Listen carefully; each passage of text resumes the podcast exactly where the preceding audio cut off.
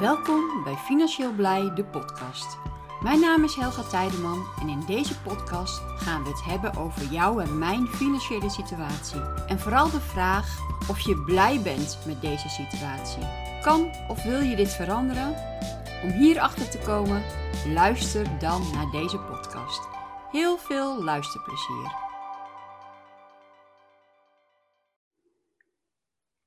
Hallo, hallo, daar ben ik weer, Helga Tijdeman van Financieel Blij. En dit is een nieuwe dag in mijn leven. En deze nieuwe dag begon eigenlijk wat later dan normaal. Ik ben normaal altijd heel erg vroeg en ik begin al vroeg met het treden. Maar vandaag, eh, gisteravond was het wat laat geworden. Uh, vannacht wat slecht geslapen. Uh, een aantal warme nachten op rij waar je slecht in slaapt. En tegen de ochtend val je dan pas goed in slaap. Nou, gelukkig heb ik niet een werkgever of een verplichting dat ik om een bepaalde tijd mijn bed uit moet zijn. Dus het werd vanochtend wat later. Maar ik merk dan gelijk dat ik een beetje uit mijn ritme, uit mijn regelmaat ben. En voor mijn gevoel loop ik dan de hele dag een beetje achter de feiten aan. Terwijl ik helemaal niet een strakke afsprakenplanning heb of zo. Maar voor mijn gevoel loop je dan de hele dag een beetje achter de feiten aan. Maar goed, hè, mijn to-do-lijst heb ik uh, voor zoveel mogelijk wat kon, heb ik afgewerkt. Dus daar ben ik eigenlijk al heel erg blij mee. En de um, middag heb ik weer besteed om een stukje um, ja, te leren. Um, ik ben nog steeds volop aan het leren. En vanmiddag uh, heb ik daar ook weer wat tijd aan besteed. En als men dan vraagt van, uh, ja, maar weet je dan nog niet genoeg? Uh, wat ben je dan allemaal aan het leren? Ja, waarom doe je dat dan? En zo van, ja, ik vind dat, ook al ben je bijna 50, hè, dat, ben ik, um, er valt nog zoveel te leren. En ik wil gewoon, zolang ik uh, dat gewoon nog steeds kan, wil ik gewoon nog steeds dingen bijleren. Nu hoor ik wel om me heen, hoor ik wel eens, um, hè, als ik dat wel eens tegen mensen vertel, dat mensen zeggen van ja, maar goed, weet je, jij hebt geen kinderen, dus voor jou is het makkelijker, maar ik heb kinderen, dus voor mij is het eigenlijk niet mogelijk om dat te doen. En dan kom ik eigenlijk op het volgende. Wat ik vaak hoor en wat ik vaak zie, wat ik vaak tegenkom, is dat de ene persoon zoekt redenen om iets te doen en de andere persoon zoekt excuses om iets te doen. Maar beide personen gebruiken dezelfde dingen. En de een persoon gebruikt het als reden en de andere persoon gebruikt het als een excuus. Om het even in voorbeeld te doen, uh, stel je voor, de vraag is van, uh, met treden kan je extra inkomen verdienen. En extra inkomen uh, is natuurlijk altijd lekker meegenomen. De een die zoekt een reden van waarom heb ik dat extra inkomen nodig. Nou, bijvoorbeeld, ik heb kinderen. En die kinderen, die kosten me een hoop geld.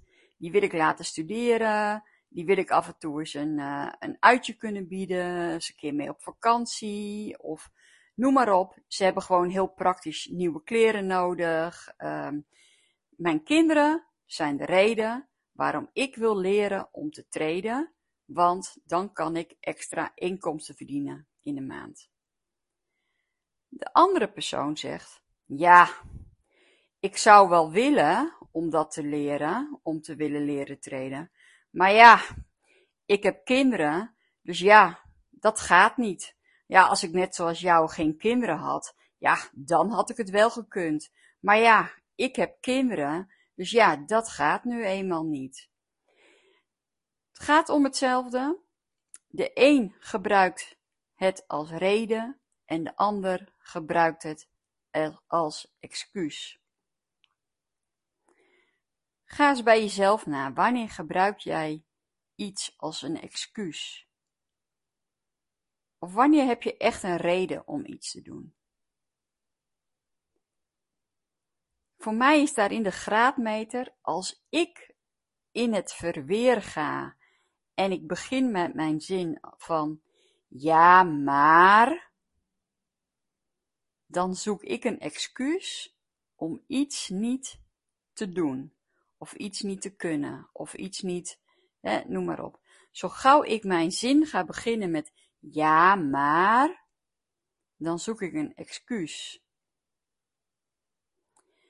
Begin je zin met omdat, dan heb je een reden te pakken. Ik wil leren treden omdat ik mijn kinderen een goede toekomst wil geven. Ik zou wel willen leren treden. Ja, maar ik heb kinderen en die kosten tijd en die zijn te druk en ik ben daar te druk mee. En nou ja, noem maar op wat dan de redenen zouden kunnen zijn. Dus ga bij jezelf maar eens na van wanneer gebruik je iets als reden en wanneer gebruik je iets als excuus. Vanavond heb ik een vrije avond en dat is zeldzaam op de woensdagavond.